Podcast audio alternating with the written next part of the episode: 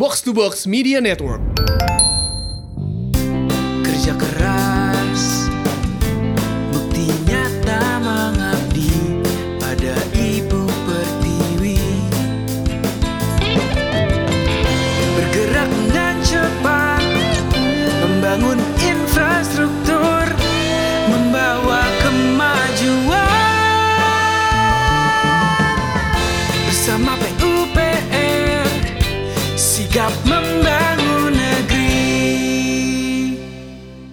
Halo apa kabar sahabat PUPR Assalamualaikum warahmatullahi wabarakatuh. Salam sejahtera Semoga kabarnya sehat-sehat di mana pun sahabat PUPR berada sampai dengan detik ini. Ketemu lagi di podcast Sigap Membangun Negeri Persembahan dari Kementerian Pekerjaan Umum dan Perumahan Rakyat. Dan tentunya masih bersama saya Imam Wibowo. Semoga nggak bosan-bosan ya. Tentunya di setiap episode kita ketemu Saya akan berbincang-bincang dengan narasumber yang hebat-hebat Yang tentunya akan berbagi pencapaian-pencapaian dari Kementerian PUPR hingga saat ini dan yang spesial untuk kali ini kita akan jalan-jalan nih ke Papua nih. Nah, kekinian banget ya kita ya, virtual. Sialah.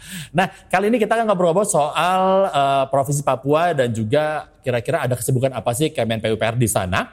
Dan yang akan ngobrol dengan kita juga yang bisa sahabat PUPR dengarkan lewat podcast kita Siga Membangun Negeri ataupun juga di eh, YouTube channel kita Kemen PUPR. Kita akan ngobrol-ngobrol dengan Kepala Satuan Kerja Pelaksanaan Prasarana Permukiman Wilayah 2 Provinsi Papua Ditjen Cipta Karya Mas Anggoro Putro STMSC. Halo Mas Anggoro apa kabar? Halo Mas, Alhamdulillah so feel so good. Baik-baik. Assalamualaikum. Waalaikumsalam. Ya, semoga kabarnya tetap semangat dengan semua tugas-tugasnya walaupun kita te- terpisahkan jarak dan waktu sih enggak. Eh beda waktu dua jam kita ya. Ya, Iya, iya.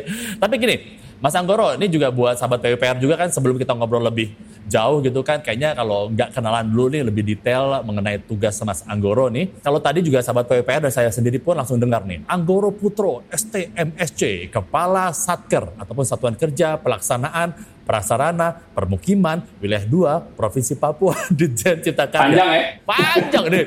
Waduh ini tiap kali saya ngobrol-ngobrol dengan narasumber kita dari Kemen PUPR nih, kalau jabatannya panjang, saya selalu mikir, ini kapan istirahatnya, kapan tidur tidur malam?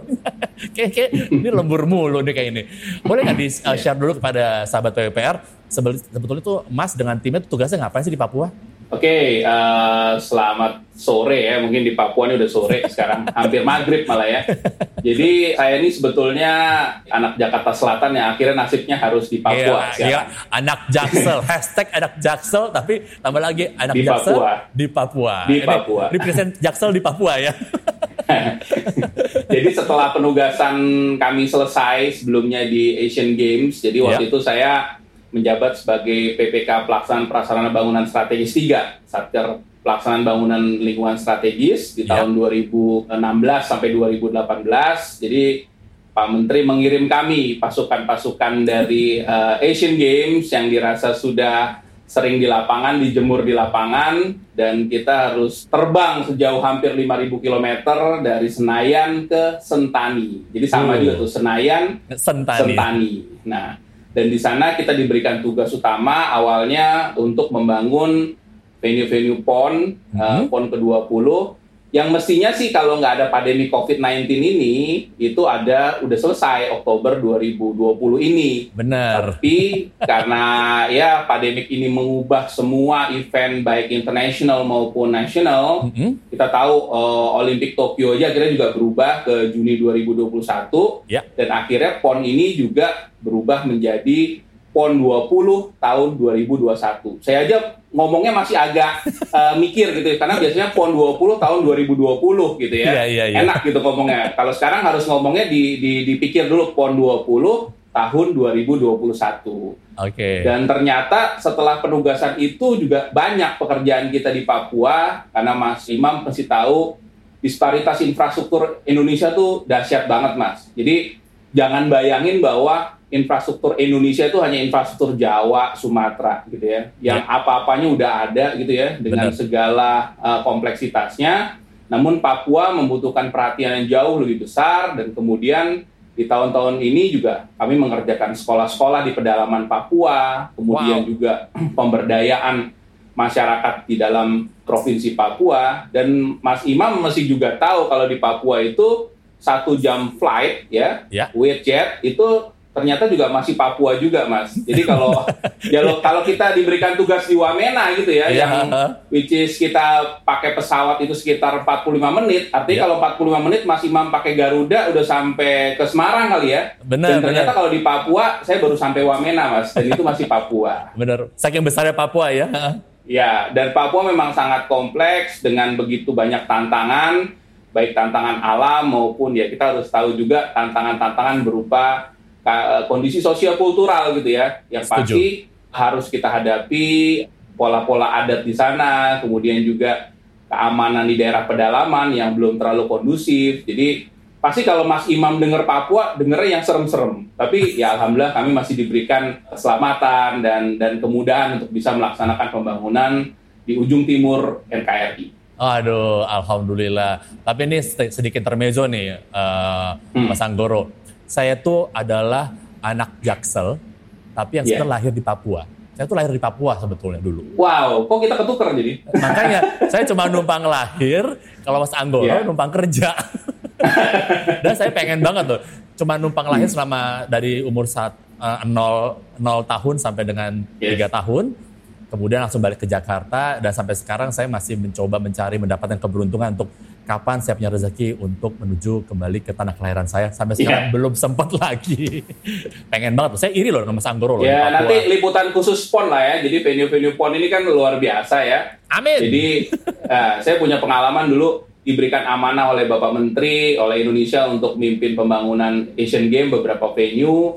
Dulu rasanya udah keren banget gitu ya. Iya, iya, Kita iya. bisa memimpin pembangunan venue-venue Asian Games di Jakarta, diliput oleh segala macam media.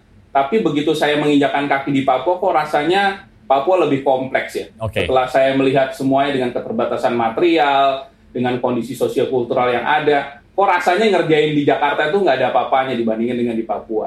Ternyata masih ada tempat-tempat lain yang lebih menantang ya. Mas ya.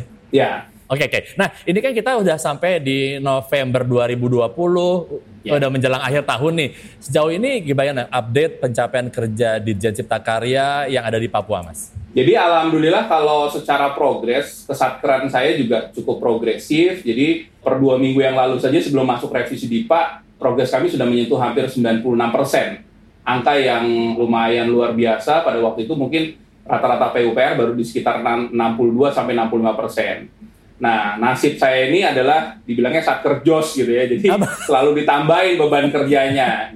Jadi kemarin ada revisi DIPA, kami ditambah lagi 70 miliar dan sempat agak drop karena beban yang baru kita turun 10%, tapi alhamdulillah sekarang kami sudah menyentuh sekitar 92-93% persen dan masih jauh di atas rata-rata Kementerian PUPR. Oke. Nah, di sinilah saya memberikan semangat kepada teman-teman Satkers di seluruh Indonesia bahwa kami aja yang di daerah-daerah ya ujung timur ya yang segala sesuatunya resourcesnya pasti terbatas bisa berlari jauh lebih cepat dari rata-rata teman-teman yang ada di nasional. Dan untuk venue-venue batch pertama, ya, saya bilang batch pertama karena venue batch pertama ini yang tahap pertama itu adalah empat yang di, diinstruksikan oleh Inpres ya pada Kementerian PUPR. Yang pertama adalah Istora Papua Bangkit, Aquatic Papua, venue hoki dan kriket. Dan alhamdulillah sih dari akhir September kemarin semuanya udah 100%. Dan Alhamdulillah. bahkan beberapa venue kita udah certified. Istora Papua Bangkit sendiri mendapatkan tiga rekor muri. Kemudian Yes. Aquatic Papua juga menjadi Aquatic kedua yang tersertified FINA. Arti- Artinya teman-teman Papua bisa memecahkan rekor dunianya nggak usah ke mana-mana, cukup di Papua. Gitu. Ya itu perkembangan terakhir yang ada. Oke. Dan rata-rata sekarang ini masuk ke dalam fase kedua yang batch 2 yang merupakan penugasan lanjutan dari PON, yaitu venue sepatu roda, panah, dan dayung. Asik. Kalau kita semoga dilancarin, Mas ya. Siap. Nah, tadi kan Mas Anggoro juga sempat menyebutkan secara singkat tadi di awal bahwa sebelumnya kan udah ikutan dalam pembuatan infrastruktur di Asian Games 2018 kita ya. Ya. Dan saat ini juga di Istora Papua Bangkit. Nah, mungkin bisa ditambahkan juga, dijelaskan juga pada sahabat PUPR nih, tantangannya itu pertama, membangun infrastruktur di Papua seperti apa, kemudian juga ditambah lagi di masa pandemi, Mas. Apa tuh Mas Iya. tantangannya? Jadi tantangan kita di pembangunan venue PON ini luar biasa. Jadi baru kali ini ada sebuah proyek yang dihajar oleh tiga kali kondisi kahar. Artinya unpredicted uh, condition. Ya. Jadi waktu kita di awal tahun 2019 sudah kena banjir bandang Sentani, Mhm. ya. Jadi udah banjir bandang besar sekali dan itu memutus beberapa akses di daerah sekitar bandara. Kemudian sekitar Agustus sampai September kita dihajar juga oleh kerusuhan sosial di Jayapura. Ya. Jadi ada pergerakan sosial yang membuat proyek juga terganggu. Dan yang ketiga maha dahsyat di seluruh dunia dan di Indonesia sendiri adalah pandemi COVID-19 dan dan ini menjadi sebuah pukulan yang sekaligus membuat kita tetap harus optimis gitu ya. Ya. Ka- Kami sebagai ya kalau kami bilang adalah pimpinan-pimpinan di lapangan gitu ya berusaha untuk tetap mengejar target ini supaya juga kita punya optimisme yang besar terhadap pelaksanaan pembangunan infrastruktur khususnya di Indonesia Timur itu baru dari sisi misalkan kondisi-kondisi kahar tadi. Belum misalkan kalau mau saya cerita waktu dulu kita masuk ke apa venue-venue pon ini yang namanya alat bor pile, Ya. bor eh, pondasi Ya. Itu mungkin di Papua waktu kami masuk di akhir 2018 tidak lebih dari satu atau dua alat. Dan itu digilir dari beberapa proyek strategis, misalkan dari proyek Holtekam atau Ya. jembatan Yotefa yang sudah selesai sebelumnya, Mhm. kemudian pindah lagi ke beberapa proyek dan akhirnya baru masuk ke proyek kami. Saya membayangkan saja waktu itu kalau waktu kita di Asian Game di Jakarta, hari ini kita order bor pile mungkin Iya. nggak jauh-jauh 3-4 jam udah ada di lapangan. Oh, di Papua? Itu yang ya kalau di Papua ada ada ada pembicaraan waktu itu memang kalau untuk tingkat ekonomis kita mau mendatangkan alat baru itu harus minimal 1.500 file. Wow. Yang artinya bahwa biaya mobilisasi itu menjadi sesuatu yang sangat besar juga di Papua. Ya kebayang lah saya cerita Iya, ke iya, iya. Mas Imam bahwa mindahin sesuatu kalau alat dari misalkan mana dari Surabaya atau dari Jakarta itu butuh sekitar 2 sampai 3 minggu dengan kapal laut ya Iya. untuk sampai ke Jayapura. Dan biasanya kalau cerita-cerita nih kalau kalau di bawahnya pasti dia tuh kayak mampir-mampir dulu dari Jakarta ke Surabaya, Surabaya Makassar, Makassar Bitung. Jadi memang mengelilingi lautan eh, Iya, iya, Indonesia bagian barat, tengah dan timur gitu. Butuh kesabaran banget ya Mas ya. Nah, jadi kita alhamdulillah selalu memberikan arahan kepada teman-teman penyedia jasa bahwa kita harus membuat contingency plan yang jauh lebih baik gitu ya. Jadi kalau dulu saya sampaikan di Jakarta mungkin kalau kita ngerasa progres kita itu plusnya itu hanya 2-3 persen udah aman, udah secure. Ya. Tapi kami sampaikan ke teman-teman di sana semua dengan segala kondisi ketidakpastian yang ada di di Papua ya, angka plus atau progres di depan sebesar 10% itu merupakan angka-angka yang cukup nyaman buat kita gitu ya. Oke, oke. Jadi kita harus bisa lebih cepat progres kita 10%. Dan itu terbukti. Jadi dengan tiga kali pukulan kondisi kahar tadi, alhamdulillah kita masih bisa menyelesaikan ini dengan on time gitu. Setuju. Malahan mesti sabar diundur ya ke tahun 2021 ya. Ya, gitu. Jadi ada ada ungkapan dari teman-teman semua, ponnya boleh mundur tapi penyelesaian pembangunan infrastrukturnya tidak mundur. Benar, nunjukin kinerjanya benar-benar profesional nih. Iya. kan ya. Kita sesuai orderan aja, orderannya jadinya bulan Oktober kita jadiin juga bulan Iya, Oktober. gitu. siapa, siapa takut ya. Nah, Mas Anggoro, kalau bicara mengenai tadi di awal juga bahwa Mas awalnya udah ikutan sukses berkontribusi di renovasi GBK untuk Asian Games, kemudian dikirim ke Papua juga dipercaya bersama dengan tim untuk mendukung pembangunan eh, persiapan dari PON 20. Itu gimana Iya. rasanya Mas? Dapetin kepercayaan baru di saat, eh 2018 sudah kelar nih, eh Hmm. dikirim lagi nih Iya. Papua ada tugas baru. Rasanya gimana tuh Mas? Buat saya ini sebuah tantangan anak-anak muda yang ada di PU ya. Ya. Gua nggak tahu nih. Eh, gua lagi nggak apa-apa ya santai. Gak aja. apa-apa, kan anak Saya muda. nggak tahu nih. Kita anak muda. Kayak saya umurnya 37 nggak tahu masih dibilang muda atau muda, enggak, muda, gitu. muda, muda, muda, mas. Jadi buat saya ya buat saya buat teman-teman semua tuh harus tetap optimis dalam setiap penugasan ya. Yang jelas jangan selalu ada di comfort zone karena memang tantangan disparitas pembangunan infrastruktur Indonesia itu luar biasa gitu ya. Jadi tren pembangunan infrastruktur di Jawa atau mungkin di eh, ya di, di Indonesia Barat dan Indonesia Tengah mungkin lama kelamaan sudah mulai akan jenuh dan akan perlu dimulai pembangunan pembangunan infrastruktur yang baru di eh, kawasan Indonesia Timur dan artinya ini semua membutuhkan militansi anak-anak Oke. muda PU gitu ya. Ya. Jadi sesuai saya ingat sekali itu tiga tahun lalu saya masih simpen quotes-nya Pak Basuki di Instagram dan itu selalu saya sampaikan juga ke staff saya saya bahwa anak-anak muda PUPR saya jemur di lapangan di Hmm. highlight sama beliau saya jemur di lapangan agar mereka bisa memenangkan kompetisi yang berat di kemudian hari. Artinya jangan sampai teman-teman muda ini malah kebanyakan di kantor. Jadi nanti kalau kena matahari sedikit langsung pilek sama batuk, Mas. Gitu. Benar. Kayak kayak kayak tra trainingnya kayak gila-gilaan nih. ya, jadi itu sebuah tantangan dan kita ya. masuk ke Papua itu sebetulnya beban berat juga buat kita karena setiap orang di sana sudah mengetahui kita bahwa kita adalah veteran Asian Game istilahnya. Oh, orang iya. pasti okay. mikirnya, oh kalau oh, veteran Asian Game jago yeah. nih gini gini gini. Nah itu yang menjadi sebuah tantangan kita sendiri karena apa? Kalau kita hasilnya nggak bagus di sana, wah orang akan bilang, wah ini biar veteran Asian Game kok kaleng-kaleng begini hasilnya. Iya iya iya iya, iya. benar nah, benar. Itu yang kita hindarkan. Beda dengan waktu kita masuk di Asian Game, kita tuh nggak direken orang istilahnya. Ini benar-benar hmm. kepercayaan Pak Menteri kepada anak-anak muda beliau serahkan beberapa proyek yang strategis ini ke anak-anak muda dan benar-benar kita kita laksanakan dengan sebaik-baiknya dan alhamdulillah kita bisa membawa Indonesia di panggung yang luar biasa makanya kita juga sekarang berani untuk bidding Olympic Games 2032. Mantap. Ya, gitu. Oke. Nah, ini juga nih buat sahabat PWPR juga mesti tahu nih kalau kita ngomongin soal Pak Menteri nih, Pak Basuki Hadi Mulyono kan memang memang termasuk sosok yang menaruh perhatian besar dalam pembentukan karakter. Bener ya, Mas Goro ya? Betul. Kemudian yeah. juga beliau selalu berharap bahwa generasi muda PWPR itu akan menjadi pemimpin masa depan yang kreatif, inovatif dan juga berakhlakul karimah, uh, berakhlakul karimah dalam pembangunan infrastruktur. Benarkah begitu Mas Anggoro? Iya benar. Setiap beliau sampaikan ke kami, setiap yeah, acara yeah. bersama, mungkin itu yang selalu beliau sampaikan, mungkin supaya terpatri sekali ya yeah, di yeah. dalam alam bawah sadar kami gitu ya. Ya, nah kalau kita bicara mengenai uh, Pak Menteri nih, Pak Basuki, pada saat beliau meninjau progres infrastruktur, ketemu dengan Mas Anggoro pasti dong, ya kan, yeah. sebagai yang bertanggung jawab dalam uh, proyek tersebut. Ada nggak pesan ataupun motivasi yang Mas Anggoro dapatkan dari beliau? Yang selalu saya dengar adalah pertama jaga integritas, mm -hmm. jaga kualitas, dan jaga nama besar dan nama baik PUPR.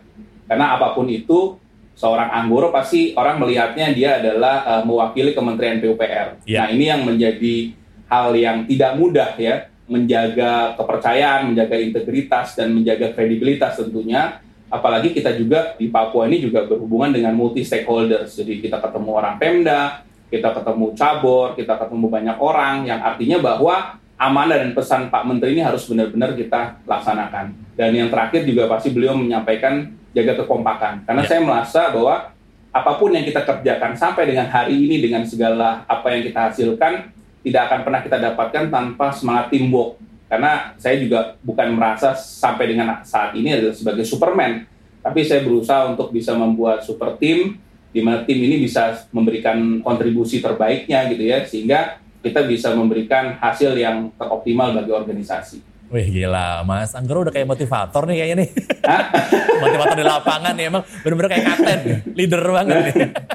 nah, Mas Anggoro, sebelum kita bahas lebih dalam lagi tentang generasi muda PUPR dan juga support dari Kemen PUPR tentunya, ada nggak sih harapan dan juga pesan yang ingin disampaikan oleh Mas Anggoro sampai bisa disebut bahwa kamu, Anda, lo tuh udah pas nih disebut sebagai generasi muda PUPR dan kira-kira kolaborasi apa sih yang dihasilkan, yang ingin dihasilkan untuk kemajuan Kementerian PUPR selanjutnya? Jadi pertama, kita sering banget dengar jargonnya Pak Menteri gitu. Jadilah orang PU bukan hanya sekedar orang yang bekerja di PU. Artinya dari feel, dari soul kita ini kita harus bangga, korps kita PU gitu ya. ya. Jangan kalau kalau kita ditanya, lo kerja di mana? Gue kerja gawe di PU gitu. Ya nggak kayak gitu juga. Saya orang PU gitu. Ya, oke okay, oke. Okay. Dengan anda bilang orang PU berarti anda siap dengan segala macam tantangan, hmm. dengan segala macam ketidaknyamanan dan siap untuk keluar dari setiap cover zone. Karena saya bisa cerita ke Mas Imam bagaimana nyamannya saya 2008 sampai 2011 bekerja karena rumah saya di Jakarta Selatan hanya 5 km dari iya, kantor. Oh, ya, dan sekarang kerja saya 5.000 km dari kantor utama saya. Nah, Artinya anak-anak muda PUPR harus berani keluar dari zona nyaman, berani berhadapan dengan multi stakeholders, tidak hanya orang-orang yang ada di lingkaran dalam di, di kantor gitu ya. Artinya jangan kebanyakan apa ya kalau masih muda jangan kebanyakan kena AC gitu nanti iya. ketuanya cepat sakit-sakitan gitu kan. Gampang rematik. nah, jadi keluarlah, lihatlah dunia gitu ya, lihatlah real condition daripada yeah. lapangan sehingga saat kita nanti masuk diberikan kesempatan untuk memimpin di Kementerian PUPR, kita akan memiliki pandangan yang jauh lebih komprehensif, jauh lebih solutif, tidak pragmatis. Kita berusaha untuk mencari solusi, bukan mencari yang mana yang benar, yang salah, dan itu sendiri akan memberikan kontribusi terbaik buat PUPR selaku organisasi yang besar. Dan saya tahu sendiri PUPR selalu mendapatkan amanah pendanaan infrastruktur yang paling besar ya di antara kementerian-kementerian yang lain dan butuh orang-orang yang juga tahu lapangan, kenal lapangan dan bisa berkomunikasi dengan baik. Karena kalau di lapangan itu Mas Imam kita tidak bisa memaksakan, oh saya benar, Anda salah. Ya semua orang harus diberikan kesempatan untuk mendapatkan apa yang kita sebut sebagai win-win solution. Dan di situlah kepekaan kita didapatkan dari jam terbang kita di lapangan. Jadi kalau mungkin saya hanya di, di, di kantor saja, tidak pernah memimpin organisasi di lapangan, tidak pernah ketemu dengan berbagai macam kondisi sosial kultural yang ada, mungkin kita akan terus berpikir pragmatis dan merasa bahwa saya benar, Anda salah. Dan semestinya nggak seperti itu ya yang harus dikembangkan di kemudian hari.